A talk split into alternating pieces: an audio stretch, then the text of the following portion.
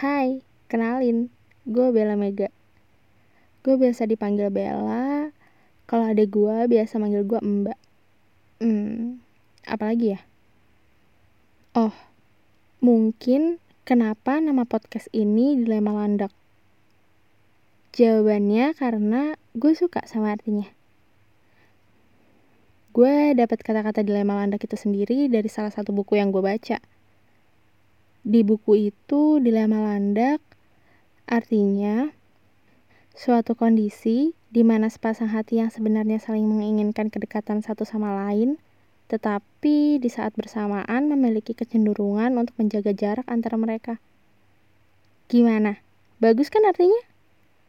Anyway, podcast ini sesuatu hal yang baru buat gue. Jadi sorry ya kalau salah-salah atau gimana.